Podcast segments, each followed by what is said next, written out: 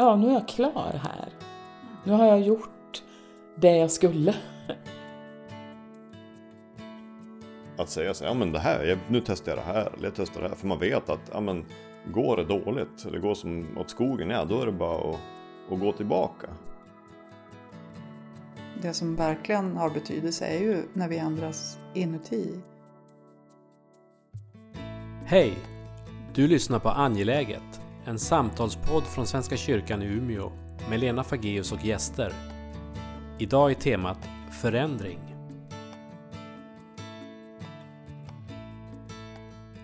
Då får jag hälsa er välkomna till ett samtal om förändring. Och tillsammans med mig i rummet så finns Ingrid Holmström Pavvar, församlingsherde i Ålidhem. Och Johannes Nord, eh, som är församlingsherde i Tavelsjö. och så är det jag, Lena Fageus, kyrkoherde. Vi börjar vårt samtal med att tända ljuset som på något sätt får, får andas, andas närvaro. Både Guds närvaro men också att vi själva riktigt kommer in i rummet. Det ska handla om förändring. Och man kan verkligen, jag sa det precis innan nu, sa jag varför jag har valt just att sätta ihop er två. Ingrid som är vild och tokig och säger ja, det kan vi göra när man föreslår saker och som själv är liksom radikalt eh, drar åt att ändra och förändra och våga pröva det nya.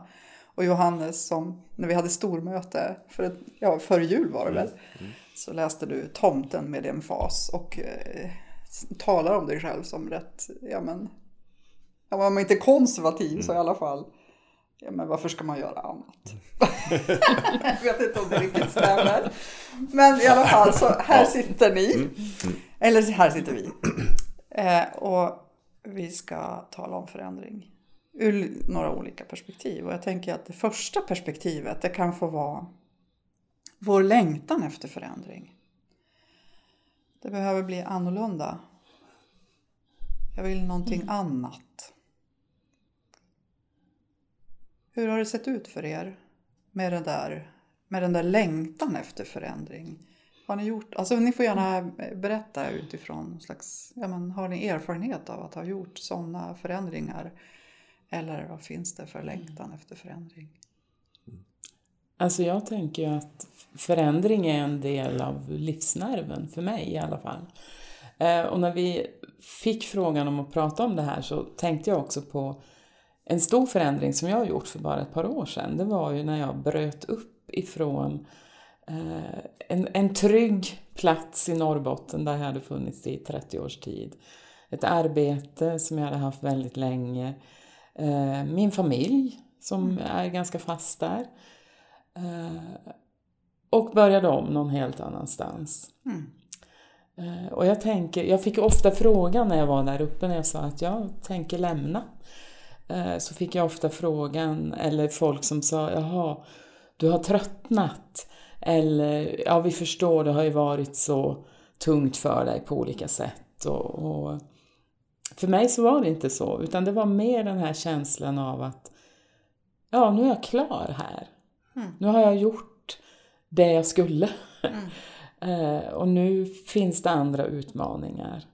Eh, så jag tänker även om det är en stor livsförändring att göra ett sånt uppbrott så behöver det inte vara grundat i någon, någon olust eller något negativt utan det kan vara en längtan efter och en nyfikenhet till något nytt. Och också en känsla av att vara ganska nöjd. Eh, Jag har I det gjort bes- i, ja. i det beslutet. Ja. Jag har gjort det jag skulle. Jag är nöjd med det. Jag är glad för de åren. Jag är stolt för det jag har åstadkommit. Och nu finns det någon ny väg att gå. Vi har ju alla tre faktiskt gjort uppbrott rätt så nyligt ändå. Ber- Johannes, du, har väl också, du har ju också gjort Ja, uppbrott. precis. precis. Eh, Vi, eh, hela familjen gjorde ju en litet som äventyrsutflykt. Vi var i Norge och jobbade där ett tag och bodde där. Eh, Kom tillbaks för ungefär ett år sedan.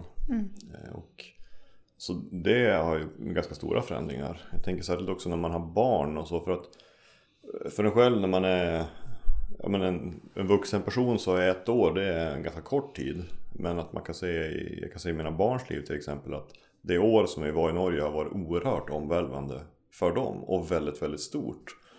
Eh, Medan man själv för ett, ett år, det går ju hur snabbt som helst. Eh, Men man kan ändå betyda väldigt mycket och sådär. Och Alltså personligen så är det så att även om jag Jag tror att jag hela tiden balanserar det här med, med liksom en längtan efter förändring. För jag kan vara ganska, ganska rastlös av mig. Att jag kan söka nya utmaningar ofta. Att jag har gjort det mycket också i, genom mitt liv. Men att jag ändå, ändå vill ha en slags bas någonstans. Att vi har bott på samma, alltså att vi har liksom alltid haft till exempel våran gård där vi bor nu, att den har vi haft kvar, den hade vi också när, hade vi kvar när vi, när vi bodde i Norge till exempel eller även när jag bytt, om man bytt jobb så har jag ändå alltid bott på samma ställe och, och sådär. Ja, jag, är, jag är uppvuxen i Umeå, har bott här st- nästan majoriteten av hela mitt liv. Eh, Men gjort liksom små utflykter eller sådär. Så att, så att det, är den här, det är någon slags pendelrörelse i mitt liv också. Men att jag Just när man pratar om förändring så är det någonting som jag Kanske också delvis söker. Eh, Samtidigt som jag vill ha den här rot, Rot, den här roten, fastheten. ja. liksom. Ja, ja. Jag tänker apropå det, vi, jag har ju också brutit upp och Mm. liksom lämnat min, mitt fina hus i Sörmland och flyttat till, tillbaka till Umeå. Och i julas så hade, jag, hade vi besök av en, en av våra ungdomar som kom in genom dörrarna och så sa hon det ser ut precis som det brukar göra hos er. så det, fin- det finns ju också någonting med att ja, men vi, vi, jag kan längta efter förändring och fördjupning och utveckling och så. Och sen så samtidigt så släpar jag omkring på mig själv och mina möbler och mig som person och oss som par. Och, eh, så det kan man också fundera över. Upp- Upplever ni att, det- att det faktiskt har varit, inneburit en förändring, era uppbrott? Alltså vi behöver inte fördjupa kanske uppbrotten men, men blev, har det blivit annorlunda i er eller omkring er? Eller blev det en utveckling? Alltså jag tänker ju att det blev en utveckling och jag tänker, jag gjorde ju ett sånt här ännu mer gigantiskt uppbrott egentligen för över 30 år sedan. När jag då bodde i Värmland och eh, var uppfödd och hade allting där. Och åkte på semester till Norrbotten och blev kär. Och på en månad så var det liksom klart att dit ska jag. Eh, Och lämnade väldigt, väldigt mycket. Och jag tänker att det här med, med att det blir, för mig har det blivit väldigt mycket en utveckling eh, vid varje förändringstillfälle. För jag känner ju igen lite grann det här som du säger Johannes också, att egentligen längta efter en förändring och leva med det. Eh, och jag tänker också att det kanske är så att det är viktigt för oss att, att någonstans ha en trygg, någonstans en trygg fysisk plats. För att våga de här förändringsstegen hela tiden. För om jag ser på mitt eget liv så har det ju varit så. Jag har varit fast förankrad geografiskt på en ort i väldigt många år. Men det har hela tiden förändrats, både mitt privatliv och min, mitt yrkesliv och studier och, och, och jag tänker att det är lättare att utvecklas eh, om man ändå känner att man har den här någon slags trygghet i botten. Och då vågar man vara de som, ja men vi testar, vi provar, för det går att backa tillbaka och man känner att den här roten som du pratar om, den finns också. Eh, Och för mig skulle det kännas jättejobbigt tror jag om jag skulle uppleva att de gånger jag har valt förändring att det inte också skulle innebära utveckling. Sen kanske inte utvecklingen har blivit det jag trott det ska bli. Men jag tänker att förändring och utveckling hör ihop på något sätt för mig i alla fall.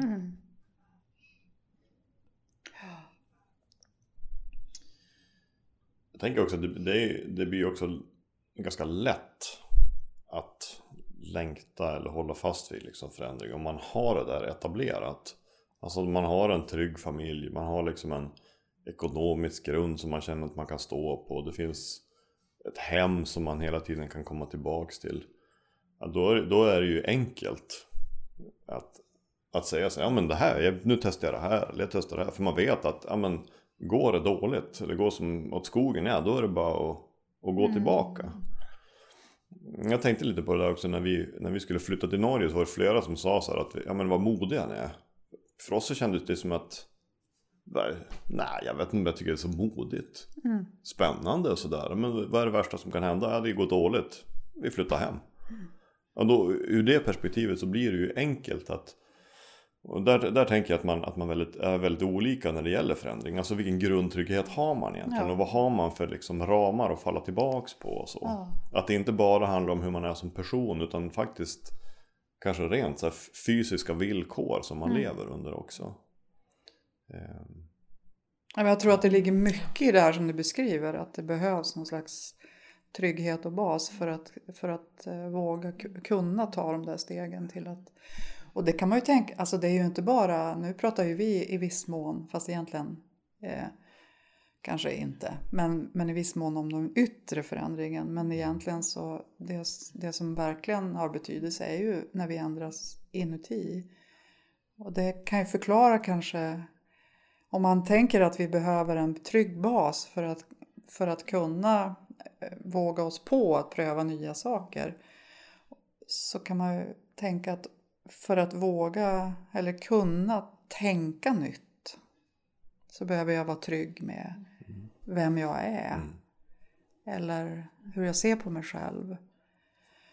Men har jag en otrygghet, otrygghet i mig själv som, som person eller i min tro för den delen eh, så blir det mycket svårare att, att tänka annorlunda. mm, Det skulle kunna vara en sån koppling också när det handlar om hur man tänker mm.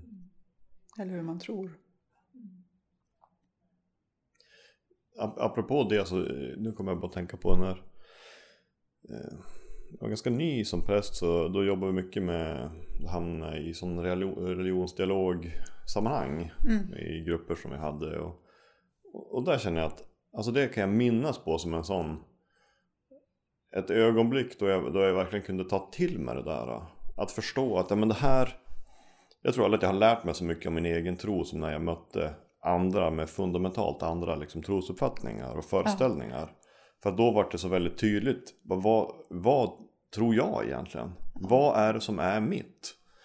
Ehm, och att, ja, men att vilken utmaning det faktiskt var. Att, ja, men nu, det här är jag, det här tycker jag och du som sitter mitt emot mig, du har, har dina liksom övertygelser och det här är den du är. Och att inte gå in och börja känna att man måste försvara sig eller försöka övervinna någon annan utan att nu visst liksom stå fast i dem vi är och ändå ha en nyfikenhet inför den andra människan. Mm. Eh, Det var, jag, ja, jag minns det som en, det var som en vattendelare. Efter att ha gjort den där, de där samtalen, den samtalsserien som gjorde. Att, att det var något som satte sig igen. Mm. Eh, Eller i mig också. Gjorde det dig också tryggare med ditt eget? Definitivt. Ja. Alltså jag har aldrig varit så liksom fått öva så mycket på ja, men att diskutera treenigheten till exempel. Ja. Sånt där som, eller ehm, ja men ta det som ett exempel. Alltså det är någonting som jag har gått igenom många års utbildning och sammanhang i kyrkliga miljöer och sådär. Då man inte har rotat så mycket i det. Mm. Och sen möter du någon som faktiskt bara, men jag fattar ingenting. Vad är det här för någonting? Kan du förklara det? Ja, så först får man liksom sitta och treva lite grann och ja, så. Mm. Att den där övningen i att bli tydlig inför sig själv. Alltså Mm. när någon ifrågasätter den också. Eller ja, men bara vill ställa öppna frågor. Det, Mm. det var... Ja, jag brukar som egentligen uppmuntra alla som blir på något vis skrämda av att möta andra människor som tycker eller tänker annorlunda. Se det som ett lär, lärtillfälle. Om dig själv om inte annat. Ja. För det kan man ju tänka att det är väldigt vanligt att vi rör oss i kretsar där vi, där vi umgås med människor som tycker som en själv. Mm. För att det blir besvärligt att ja, men, ja, men, säga hur man tror. För det är mycket skönare att bara säga ja men du vet. Mm. Jo men för det var det som var så positivt här, för att alla som var där, det var ju som ändå en trygg miljö. Ja. Var människor som hade ett annat trosystem, men alla hade ju som samma inställning. Det var ju nyfikna, det var ingen som var där för att liksom knäcka någon annan. Nej, nej. Eller liksom övertala, utan jag vill lära mig mer om de andra och också kanske mig själv. Mm. Alltså att man hade liksom en nyfiken hållning och det var ju det som gjorde att det var, var möjligt. Mm. Eh, Det hade ju varit mycket så, man behövde inte känna sig angripen. Utan, utan det var mera, folk ställer en fråga och så får man själv fundera och så, ja, Ja. så startar det någonting igen. Ja. Ehm, Och du blev inte buddhist på kuppen? Nej, jag blev ju inte det. Nej.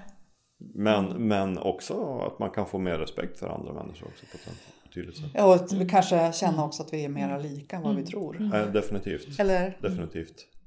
Jag tänker kanske både där att man, man upplever att man är mera lika och också kan jag tänka mig, för det tänker jag att, att det är en del av förändring också. Det här när vi pratar om, om vår tro och, och eh, ja, men bibelsyn och gudssyn och, och så pratar vi också hela tiden väldigt mycket om att vi ska värna vår tradition. Eh, kyrkan, kyrkan har i 2000 år vilat på den här grunden och det känns som att det är väldigt det känns ju som en stor koloss egentligen, eh, tänker jag, eh, när vi pratar så. Men tittar man så är det ju så att ja, men, kyrkan har ju hela tiden också förändrats. Fast vi försöker, det, det finns en kärna. Och jag tänker att, att i de här samtalen när man möter andra och både får, får mer kunskap men också får börja reflektera utifrån sin egen personliga tro och också utifrån vad står Svenska kyrkan för. Så tänker jag att man kanske ser att, att det här är någon, någon form av förändringsprocess som pågår hela tiden. För oss alla. Och det finns en friskhet i det. Och en utvecklingspotential. Både för mig personligen och, och för det sammanhang där jag står i. Man pratar om det där med längtan efter förändring. Jag tänker också att, att i alla fall för mig så, så, så finns det också ett moment av att jag längtar efter fördjupning. Och att det ligger som en slags... Eh, nej men jag vill, jag vill inte byta tro, det vill jag inte. Eller jag vill inte byta sammanhang eller människor eller vad det nu är. Utan jag vill, men jag vill fördjupa både relationerna och relationen till Gud och till mig själv också. Och att den, alltså det också, fastän det låter ju inte som att det är någon förändring egentligen. Och ändå så kan det innebära en ganska stor förändring om det är så att man börjar liksom grunda sig mera i sig själv. Har ni tänkt någonting om så? Ja, alltså jag, jag, jag tror att det är sällan som jag, ja, men till exempel om man ser på mitt eget liv, att jag har sökt förändring för förändringens skull. Utan att det alltid handlat om ja, men nyfikenhet och, och, och ganska ofta en slags kunskapstörst också skulle jag säga. Att jag, jag tycker det är så himla... Jag tycker så otroligt mycket om att lära mig saker.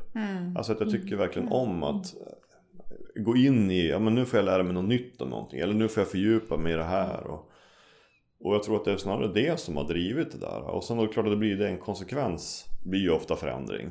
För att ja, men man kanske söker sig till andra miljöer som man inte är van vid. Eller ja, platser som är nya. Eller ja, vad det nu kan vara för någonting. Och jag tänker att det ofta är så. Är det inte så att, att det är någon, det är inte själva förändringen i sig som, som är drivkraften utan, utan vad man kan få av den. Och jag tänker att det ofta är så. Är det inte så att, att det är någon, det är inte själva förändringen i sig som, som är drivkraften utan, utan vad man kan få av den. Att det är någon slags kunskapstörst. Är det så för dig också Ingrid? Ja, det tänker jag också. Och då är frågan, då blir det ju den här väldigt stora frågan, vad är kunskap då? Nej men jag tänker att, att Ja. eh, det här att vara lite öpp, alltså öppen i alla sinnen på något sätt. Att kunsk, det finns kunskap att hämta precis överallt.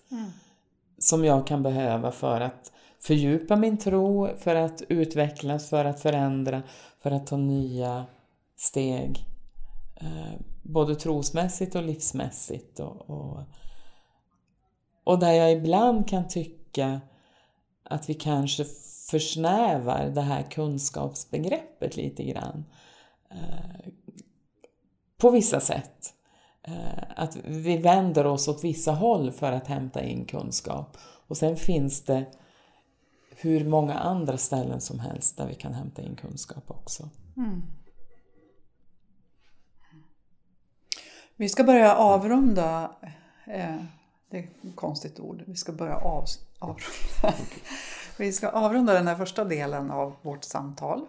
Och eh, nu ska Ingrid få läsa två verser ur en psalm som faktiskt är min favoritsalm och som jag ofta, ofta återvänder till och det är psalm 599. O låt ditt rike komma, förnimmas av oss så som foten känner stigen där den i mörkret går, du som gör allting nytt. Din dag som till mig kommer, låt den få bli en dag som vore den på jorden min första enda dag, du som gör allting nytt.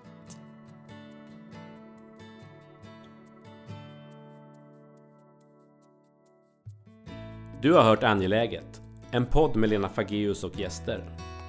Podden är producerad av Svenska kyrkan i Umeå. Vill du fortsätta samtalet når du oss på Svenska kyrkan i Umeås Facebook eller via e-post till umia.kommunikation svenskakyrkan.se. Tack för att du lyssnade.